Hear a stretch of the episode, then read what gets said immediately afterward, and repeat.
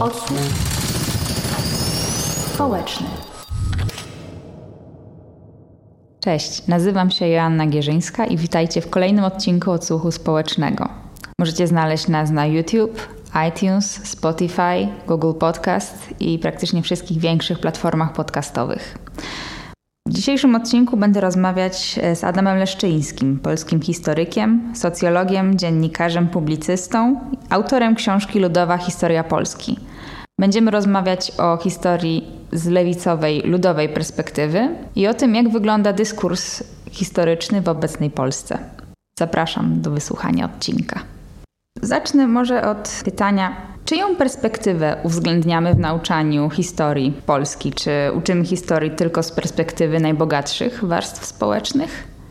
Jest to oczywiście perspektywa najbogatszych, ale jest to przede wszystkim perspektywa elit, które często były także najbogatsze, ale nie, nie, nie zawsze. Natomiast z perspektywy elit także inteligenckich, prawda? Inteligencja w Polsce zawsze była grupą dominującą. Od e, końca XIX wieku, czy właściwie od połowy XIX wieku, kiedy można mówić o jej wyodrębnieniu w taką wyraźnie zarysowaną grupę społeczną, jest dominującą do dzisiaj. No ta, ta opowieść o historii Polski, zwłaszcza w czasach najnowszych, jest często podporządkowana grupowej perspektywie inteligencji polskiej. I teraz, dlaczego to jest ważne? Dlatego, ponieważ inteligencja polska była zawsze jej kariery jej dobrobyt, jej władza, jej wpływ były związane z państwem. To już szczególnie dobrze widać na przykładzie II Rzeczpospolitej, ale to widać także dzisiaj e, no, inteligenci pracowali zwykle na posadach państwowych. Oni oczywiście narzekali, że tych posad jest za mało, że one są słabe, prawda, że się im źle płaci, że oni się poświęcają, prawda, i E, i, i, niewiele z tego mają i to jest oczywiście prawda. Znaczy to, to, to nie zawsze były, to, to często były niebezpodstawne e, żale, ale generalnie jednak no to z tej warstwy gotowali się ludzie rządzący Polską wtedy, kiedy ona mogła rządzić się sama w jakimkolwiek zakresie, a więc także w, w dużym stopniu w Polsce Ludowej. Nie mówię tutaj o samych elitach partii komunistycznej, które się rekrutowały z różnych środowisk, aczkolwiek inteligentów takich z tradycjami też tam nie tak nie, nie, tak było wcale niewielu, ale mówię tutaj o takich, o ludziach, którzy de facto tym państwem zarządzali, prawda? Dyrektorzy, kierownicy, mm, dziennikarze, eksperci itd., tak itd. Tak no to wszystko był taki, prawda, e, to jest perspektywa e, tej grupy i historia Polski bardzo często była z, niej, była z niej pisana, to znaczy na przykład Powiem tak, jest wiele przykładów, ale na przykład ocena II Rzeczpospolitej należy do jeden, jednych, czy taka opis II Rzeczpospolitej należy do jednych z najbardziej jaskrawych, no to znaczy zawsze był, a teraz szczególnie, tak? No, był to kraj, w którym ludziom z warstw ludowych żyło się ciężko, większości ludziom, większości mieszkańców żyło się gorzej niż przed rokiem 1914 z wielu różnych powodów przez cały okres II Rzeczpospolitej. I ta różnica jest bardzo dobrze widoczna w, w, w, pamiętnikach, prawda? To znaczy, jeżeli czytamy wspomnienia inteligentów wychowanych przed wojną, no to to jest taka arkadia, okres szczęścia i, taki, i, i porządku. I potem przychodzi opresyjny komunizm, który go wywraca ten naturalny porządek górę prawda? Natomiast jeżeli czytamy pamiętniki ludzi z warstw ludowych, na przykład chłopów, to wygląda kompletnie inaczej. To znaczy oni się y, często czuli zopresjonowani, uważali, że to państwo nie jest ich y, i byli represjonowani, o czym wiemy dzisiaj dość dobrze. Kluczem do, do ludowej historii Polski jest przyjęcie perspektywy, próba przynajmniej, no bo próba opisania tego z perspektywy interesów i, że tak powiem, z, z dobrostanu warstw ludowych. Czy to właśnie tak jest, że przez to, że uczymy się historii z perspektywy tych elit, tych najbogatszych, właśnie z taką nostalgią wspominamy Polskę feudalną, z dworkami szlacheckimi, z sarmackimi żupanami, folwarkami. To jest bardzo ciekawy taki triumf, powiedziałbym, z zagrobu rekwizytorni szlacheckiej, prawda? To jest szczególnie interesujące, powiedziałbym jaskrawe, kiedy się na przykład porówna książki pisane, ja przeczytałem bardzo dużo pisząc ludową historię Polski i literatury historycznej XIX-wiecznej z początku XX wieku. Polskich, książek polskich historyków z XIX i XX wieku i muszę powiedzieć, że jeżeli chodzi na przykład przykład o przedstawianie stosunków społecznych Pospolitej I w Polsce szlacheckiej, no to oni w XIX wieku, czy w okresie międzywojennym byli dużo mniej życzliwi niż historycy są dzisiaj, prawda? I mam wrażenie, że następuje taka gloryfikacja tego czasu, przyjęcie perspektywy niemal wyłącznie szlachty w opisie tego, co się wydarzyło i równocześnie zanik albo praktyczną, no może nie powiem za nich, bo to było niesprawiedliwe wobec kilku osób, które się tym jeszcze zajmują, czy kilkunastu i zajmowały się przez cały czas w Polsce. No, natomiast dysproporcja, powiedziałbym, w uwadze naukowców poświęconych szlachcie, a poświęconych warstwom budowym, wszystkim jest gigantyczna, jest gigantyczna. Ja już nawet nie mówię o, o, o stronniczości w przedstawianiu, prawda, czy o traktowaniu jakiejkolwiek krytyki prawda, relacji społecznych II Rzeczpospolitej albo przedstawianiu ich jako, jako coś dziwnego, nietypowego na tle Europy. No, tylko mówię, sama dysproporcja w uwadze jest uderzająca. Natomiast wybór tematu badawczego, chciałbym, żebyśmy to powiedzieli tutaj wyraźnie, jest oczywiście taką pierwotną bardzo deklaracją polityczną. Znaczy nie ma tematów badawczych, które są neutralne. No sam jego wybór jest deklaracją.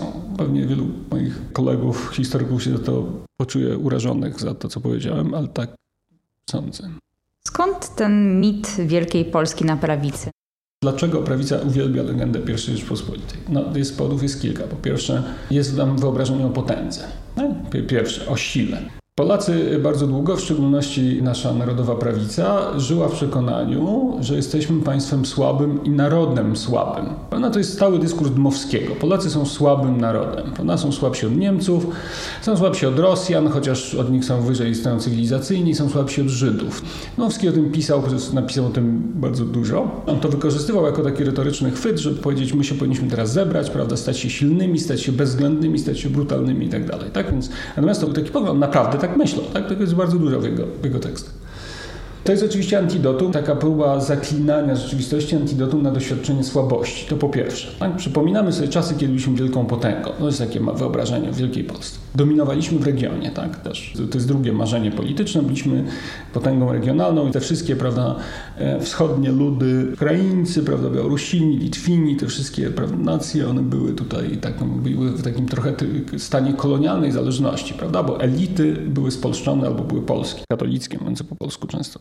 Nie zawsze, ale często. Również jest tam takie marzenie, jak rozumiem, o jakimś niesłychanie tradycyjnym porządku społecznym, to znaczy z taką właśnie sklejnotem szlacheckim, z elitą, która jest wyraźnie e, także rodowo wyodrębniona, powiedział, że to jest ukorzenia prawda, tego, tej, tej fascynacji, prawda, że tutaj mamy, widać kto jest kim, prawda, na pierwszy rzut oka w Rzeczpospolitej, kto jest panem, kto jest poddanym, kto jest chłopem, ukraińskim, białoruskim albo czy też polskim tutaj, no, a, a, kto jest, kto rządzi, prawda? Więc jest ta hierarchia, kościół, agrarny tryb życia, też bardzo duża część prawicy e, zawsze była wrogami, e, takimi ideologicznymi przeciwnikami życia miejskiego, prawda, w ogóle i wielkich miast, tak? To jeszcze w okresie międzywojennym było widoczne. Przed wojną prawica marzyła o deglomeracji. Były takie programy, które mówiły o deglomeracji, prawda, że tu, tu duże miasta są szkodliwe, wielki przemysł jest szkodliwy i to trzeba w związku z tym rozproszyć po terenie całego kraju. Różne takie utopijne fantazje. One pokazują, gdzie jest ich marzenie. To są takie, wydaje mi się, powody główne, dla których oni wracają, trzymają się tego marzenia, tak? Czyli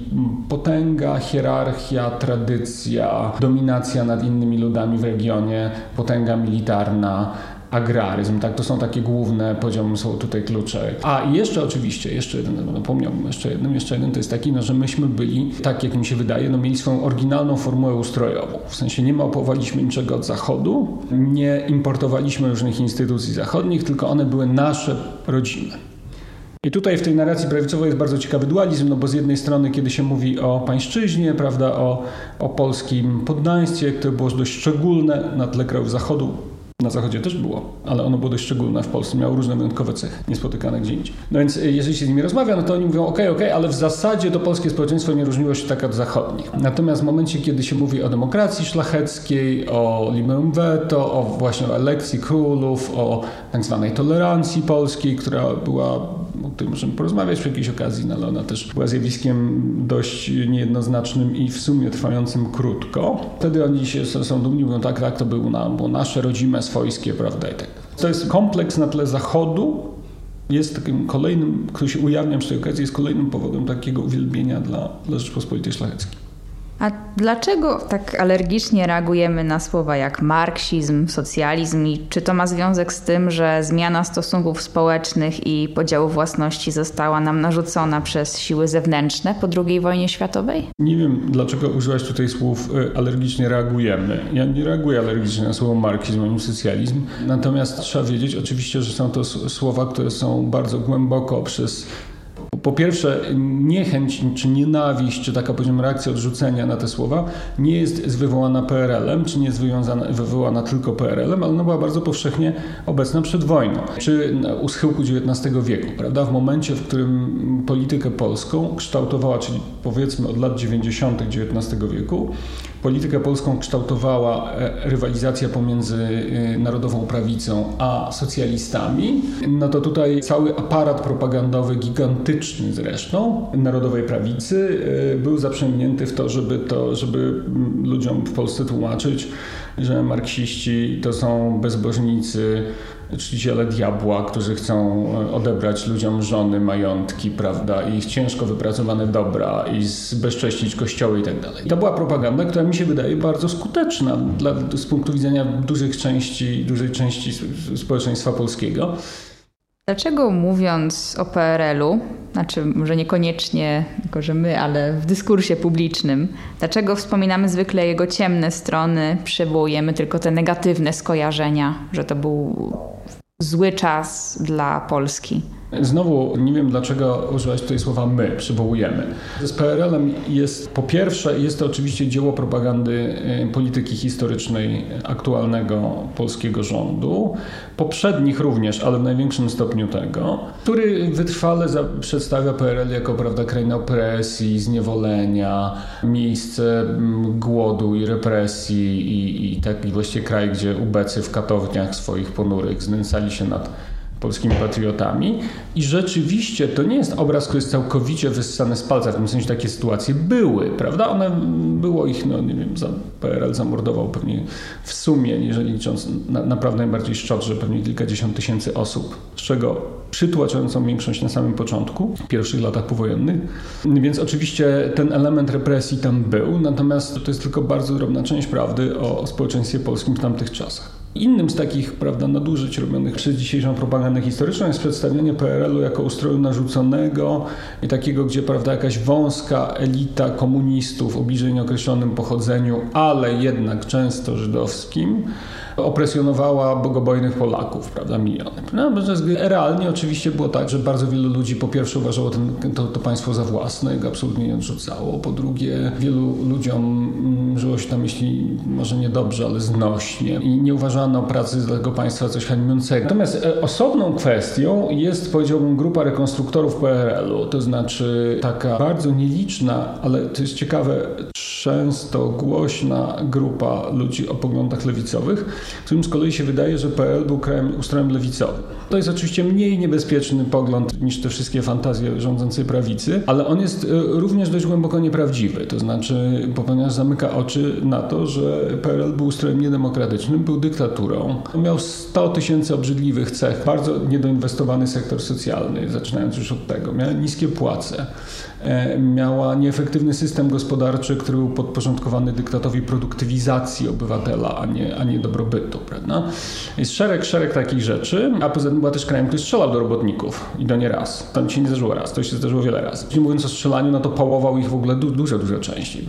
Zresztą w swojej książce pisze o, o traktowaniu przywódców strajkowych przez PRL od samego początku, czyli od lat 40. No. I w ogóle podejściu do na przykład samorządu pracowniczego i demokracji robotniczej no, Polska komunistyczna od samego początku zajmowała władzę jej. Od samego początku jej istnienia zajmowały wobec tego wszystkiego stanowisko jednoznacznie wrogie. Odsłuch społeczny. Z jednej strony mamy taką, prawda, skrajną propagandę nacjonalistyczno, powiedziałbym, prawicową, która zamierza, która po prostu przedstawia ten, ten PRL w, skrajnie nieprawdziwy. I to jest w podręcznikach, prawda, w świętach, piosenkach, w, jakich, w całych w jakichś komiksach, w, filmach. E, mało kto zdaje się te filmy ogląda, no ale niemniej jednak one powstają za, za publiczne pieniądze, więc to jest ta, ta gigantyczna propaganda, to jest z jednej strony, a z drugiej strony no mamy taką niewielką grupę prawda, rekonstruktorów i sympatyków PRL-u, bardzo często wśród ludzi, którzy y, z racji biograficznych nie mają po prostu szans go w ogóle pamiętać, prawda, jak on działał. I, i im się wydaje, że to było wcielenie w życie ideałów lewicy. Nie, nie było. Jeszcze wracając do tego wątku tej właśnie ludowej historii, mm, w jaki sposób zmieniło się życie dolnych warstw społecznych właśnie w PRL-u w porównaniu do drugiej RP? O II Rzeczpospolitej możemy się dowiedzieć w podręcznikach albo na przykład w książkach poświęconych historii społecznej tego czasu, wielu, czyli historii gospodarczej, że II Rzeczpospolita wprowadziła progresywne ustawodawstwo socjalne. No, czyli wprowadziła 8 godzin dzień pracy, wprowadziła urlopy, wprowadziła, zakazała pracy dzieciom itd., tak itd. Tak Natomiast czego się nie możemy dowiedzieć, to jest to, że te zakazy w praktyce praktycznie nie obowiązywały. I to nie jest propaganda komunistyczna, tylko to są dane z ministerstwa ówczesnego, ministerstwa zajmującego się kwestiami pracy e, z lat 20., gdzie można dowiedzieć na przykład, że w przemyśle łódzkim, jednym z największych skupisk prywatnego przemysłu w kraju, mm, pracowało się średnio o co najmniej 10, a często 16 godzin. Tak? Czyli i, i, mimo, że oficjalny dzień pracy ograniczał się do 8. Podobnie zresztą było na przykład z ustawodawstwem dotyczącym żłobków. Tak? W 20, pamiętam, chyba czwartym roku Druga Rzeczpospolita wprowadziła bardzo nowoczesne, progresywne ustawodawstwo dotyczące tworzenia żłobków zakładowych. E, no, kłopot polegał na tym, że te, te żłobki powstawały w bardzo nielicznych e, firmach. Jakby kara za nieegzekwowanie tego w nielicznych fabrykach Kara za nieegzekwowanie tego była żadna. Przesuwano cały czas na przykład ten moment, w którym to, to prawo wchodziło w życie, tylko przy to nie pamiętam raz czy dwa razy, w którym go opóźniano, potem nie było sankcji za to, więc de facto utworzenie żłobka fabrycznego należało było dobrą, dobrą wolą pracodawcy. No i dzisiaj oczywiście jest, jest tak, że patrzymy na to ustawodawstwo, często nie wiedząc jak w Polsce, ponieważ jak jeszcze ktoś nie wie, w Polsce jest tak, że e, życie społeczne często rozmija się z zasadami, prawda? W sensie prawo mówi jedno, a życie mówi co innego, prawda? Rzeczy działają inaczej niż powinny. I teraz w przeszłości Polska się pod tym względem w ogóle nie zmieniła. W przeszłości było dokładnie tak samo, czy w II Rzeczpospolitej, czy w PRL-u. To znaczy traktowanie tego, co było zapisane w prawie, jako czegoś, co faktycznie istniało, jest bardzo głębokim nieporozumieniem. No, to po prostu nie działało. Na przykład sankcje przed wojną za zatrudnianie nieletnich, które były formalnie zabronione, małoletnich, no po poniżej 15 roku życia, prawda? Zatrudnianie dzieci było zabronione. No ale robiono to nagminnie. I co więcej, robiono to do, do, tego stopnia z brakiem świadomości tego prawa, że niektórzy pracodawcy zgłaszali tych małoletnich do ubezpieczenia. To znaczy w ten sposób była powstawała statystyka. W ten sposób władze się dowiadywały, że łamie się prawo zatrudniając małoletnich, ponieważ niektórych z nich zgłaszano bardzo nielicznych do, do, ubezpieczenia, obowiązkowego ubezpieczenia. Oczywiście też jak ze wszystkim było tak, że do obowiązkowych ubezpieczeń zgłaszano tylko niektórych pracowników. Wtedy wtedy, tak jak dzisiaj. Znaczy może pewnie bardziej, nie? ale zgłaszano właśnie tylko niektórych. W związku z tym wiadomo było skądinąd z badań inspekcji pracy, że zatrudnienie dzieci jest powszechne, chociaż jest nielegalne. I teraz, jakie były kary za to? No, kary za to e, w latach dwudziestych sądy w Warszawie nakładały za, za złamanie tego przepisu karę od 5 do 25 złotych.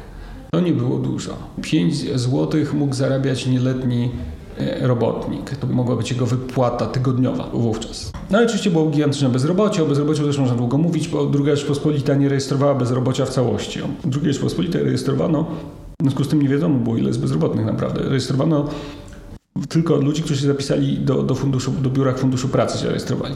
Ponieważ korzyści z, z rejestracji w biurach Funduszu Pracy były relatywnie niewielkie, bardzo wielu ludzi, i, i, tych biur nie było bardzo dużo, tak? no bo w miastach, w związku z tym bardzo wielu ludzi tego nie robiła.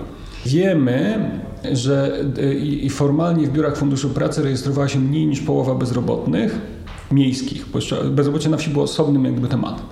A skąd to wiemy? No, przeprowadzono spis powszechny w 1931 roku. Dane z 1931 roku można porównać ilu osób ze spisu wyszło, że, że, było bezrobotnymi, a ile osób było zarejestrowanych w Funduszu Pracy.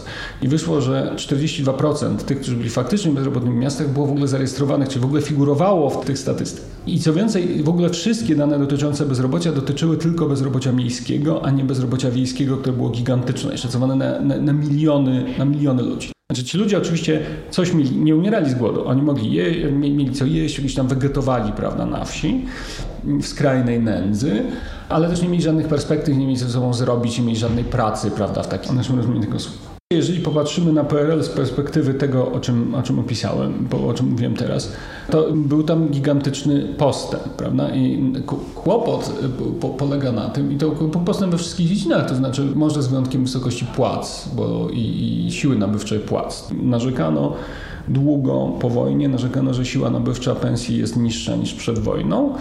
Natomiast oczywiście to nie jest proste porównanie, ponieważ PRL oferował znacznie więcej i to w miarę szybko, bo po, po kilku latach usług publicznych i społecznych, prawda, rodzaju na przykład urlopów, no, fundusz czasów pracowniczych.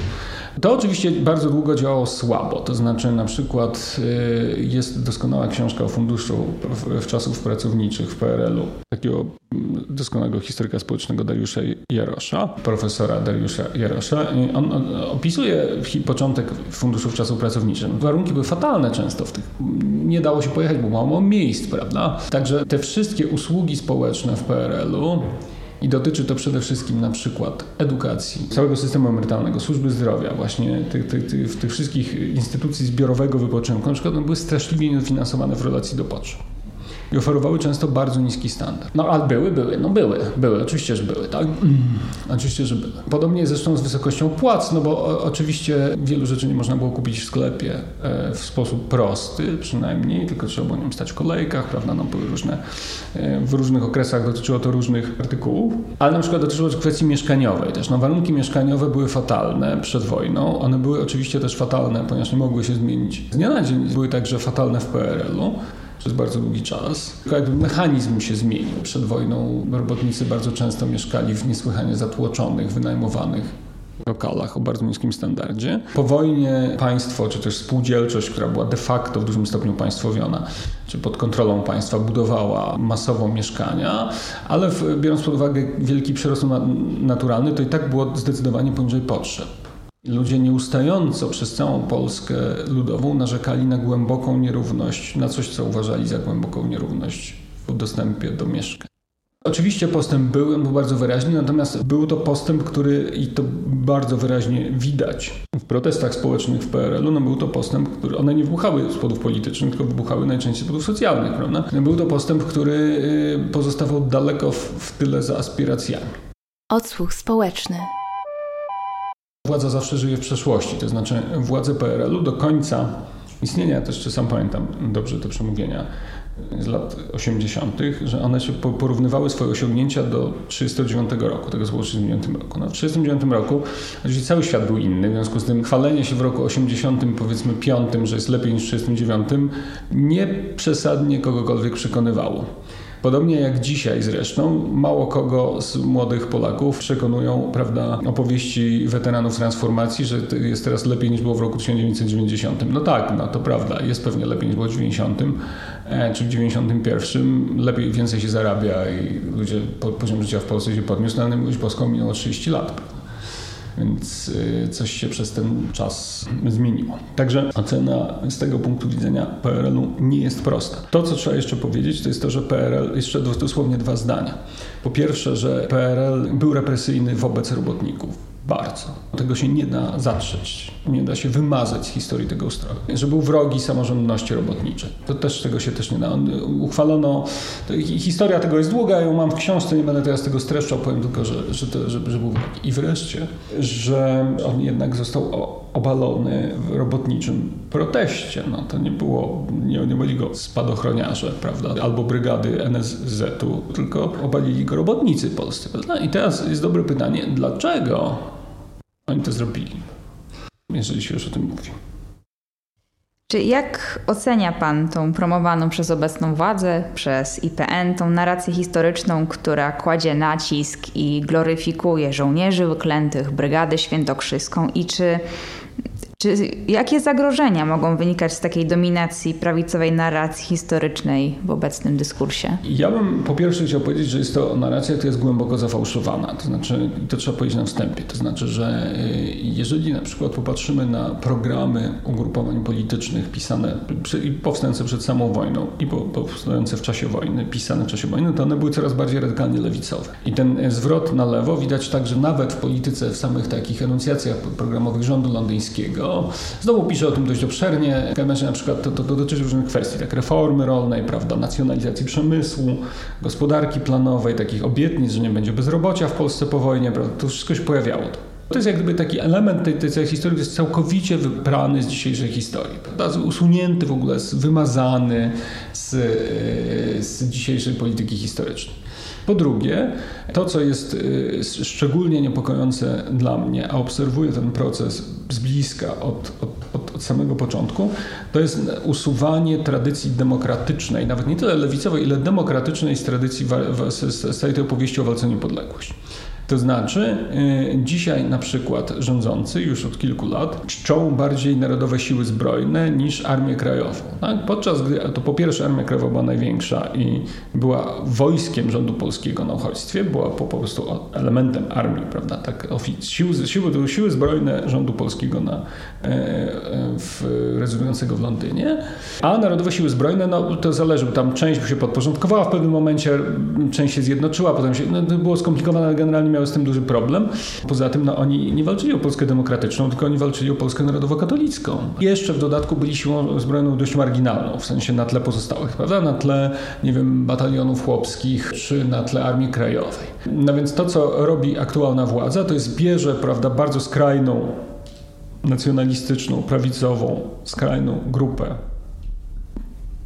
zbrojną i robi z nich głównych prawda, bohaterów walki o wolność. To jest kłamstwo. To jest kłamstwo. To jest po prostu zakłamywanie, to jest zakłamywanie przyszłości. Nie mówię już o tym, o, o właściwie wyparciu lewicy y, w ogóle niekomunistycznej z tego obrazu. Tak? Ona w zasadzie znika. Przy czym mm, prawica stosuje tutaj taki zabieg, mówi, no, mówi na przykład, przed wojną to była prawdziwa niepodległościowa lewica, nie to co teraz. Prawda? I tutaj się wymienia, nie wiem, Kazimierza Pużaka, który został zamęczony przez komunistów po wojnie w Rawiczu, takiego działacza PPS bardzo ważnego no, w swoim czasie, jednego z czołowych.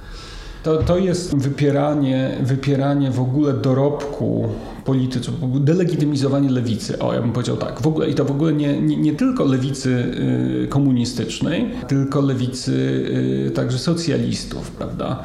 Y, delegitymizowanie na różnych poziomach. Albo ich przemilczanie, albo właśnie wybieranie poszczególnych osób, wyciąganie z ich biografii tylko tego elementu prawda, walki o niepodległość, a nie a nie, a nie całokształtu, prawda? Bo nie walczyli po prostu o Polskę niepodległą, tylko oni walczyli o Polskę, która oprócz tego będzie niepodległa, to jeszcze będzie demokratyczna, e, będzie sprawiedliwa społecznie i, e, i to było dla nich równie ważne, równie ważne dzieje się pod po, względem coś niesłychanie niedobrego i myślę, że toksyczne jakby skutki tej, tej działalności będziemy za nie płacić przez, przez wiele lat jeszcze w przyszłości. No. To, co młodym ludziom porobiono w głowach. Ja, ja, mam, ja mam dużo zajęć ze studentami i mam wrażenie, że oni często mają kompletnie mętlik w głowie, poza tym, że wiedzą, że komuniści zabijali polskich patriotów. No to to jest jedyne, co zapamiętali najczęściej.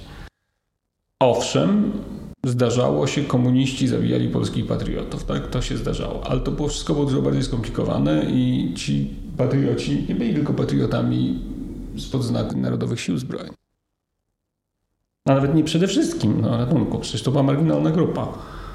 Podsumowując naszą rozmowę, tak jak o tym teraz myślę, że zarówno Pana książka, jak i nasz, nasz obecny ten odcinek, że poruszamy kwestie, które no, odbiegają od tego dyskursu, który narzuca IPN, który jest tym takim mainstreamem obecnym i czy właśnie te powody, które Pan wymienił, czy to jest powód, dla którego w Polsce tak ciężko mówić o historii z lewicowej perspektywy, nie narażając się na negatywny odzew? Ja myślę przede wszystkim, że trzeba to robić. To znaczy, ja mam zawsze wrażenie, że e, dyskusje na temat lewicowej perspektywy historii wyglądają trochę tak, że zbiera się kilka osób przy stole i mówią, no tak, tak, trzeba coś powiedzieć. Potem zapada długa cisza i nikt nic, już się z tego nic nie wynika, prawda? Minus i kłopot jest taki, że e, mam wrażenie, że przeszłość jest w ogóle e, czymś, co prawicę interesuje dużo bardziej. Znaczy, oni są, konserwatyści są w ogóle dużo bardziej nakierowani, jeżeli myślą, trochę odpowiada strukturze, mam wrażenie, ich postrzegania rzeczywistości, prawda? Że oni są dużo bardziej nakierowani na przeszłość, ale to jest związane też na przykład z edukacją na uniwersytetach, prawda? To znaczy, że zawsze e, było tak, że ludzie o poglądach konserwatywnych i prawicowych oscylowali w stronę historii, prawda? Tak jak ludzie o poglądach bardziej lewicowych w stronę socjologii, prawda? Ja studiowałem, studiowałem dawno temu, co prawda, bo, bo, było to już mm, nie chcę nawet mówić, ale bardzo dawno temu już, ale to wtedy tak zdecydowanie wyglądało. Ja na przykład pamiętam ze studiów y, y, niektórych przywódców, prawda, albo prawicowych publicystów, dzisiaj znanych, albo przy, przywódców na skrajnej prawicy, prawda. czy moi koledzy z instytutu. No może nie koledzy, ale znajomi. No, nie, nie kolegowałem się jakoś tam. Tu jest duży kłopot. Pamiętam, że za czasów pierwszego PiSu zwrócił się do mnie teatralny miesięcznik Dialog z prośbą o obejrzenie e, spektakli, które były wówczas kręcone w Teatrze Telewizji poświęconych żołnierzom wyklętym, prawda, takim, bo to był taki, to, to, był, to był kilkanaście lat temu i to była taka jakby wstęp do tego, co się dzieje dzisiaj. Ma mały, bardzo mały, ale już wtedy, wtedy wydawał się szokujący. Więc ja obejrzałem, e, obejrzałem te spektakle z trudem. Ja obejrzałem. Były straszne. No i pytam się potem pani redaktor z dialogu, dlaczego akurat mnie o to poproszono, ponieważ ja się nie specjalizuję w żołnierzach wyklętych, mówiłem z czym innym. No co ona mówi, że no, szukaliśmy historyka o poglądach lewicowych i okazało się, no może nie, że jest jeden, ale prawda, że jak gdyby ławka jest bardzo, bardzo krótka, prawda? Bardzo krótka. I akurat się zwrócili do mnie. No więc to jest duży problem, zwłaszcza, że edukacja ludzi, którzy się profesjonalnie zajmują przeszłością trwa dekady, więc to nie jest tak, że to się da, to się da łatwo rozwiązać, ale jednak trzeba próbować. Nie można oddawać pola historii walkowerem prawicy, ponieważ jest to niesłychanie ważny obszar ich legitymizacji. Takich, którego czerpią siłę polityczną. I okej, okay, ich święte prawo. Nie mam do nich pretensji, że to robią. Natomiast mam pretensje do nich, że, że często zafałszowują przeszłość. To, to mogę mieć pretensje. Nie, nie mam, absolutnie nie mogę mieć pretensji, że szukają legitymizacji w przeszłości, wybierając z niej te fragmenty, które są dla nich wygodne. Tylko chciałbym po prostu, że, żeby ugrupowania lewicowe e, potrafiły robić to samo. E, może kiedyś warto zacząć. Bardzo dziękuję za rozmowę. Dziękuję bardzo. Odsłuch społeczny.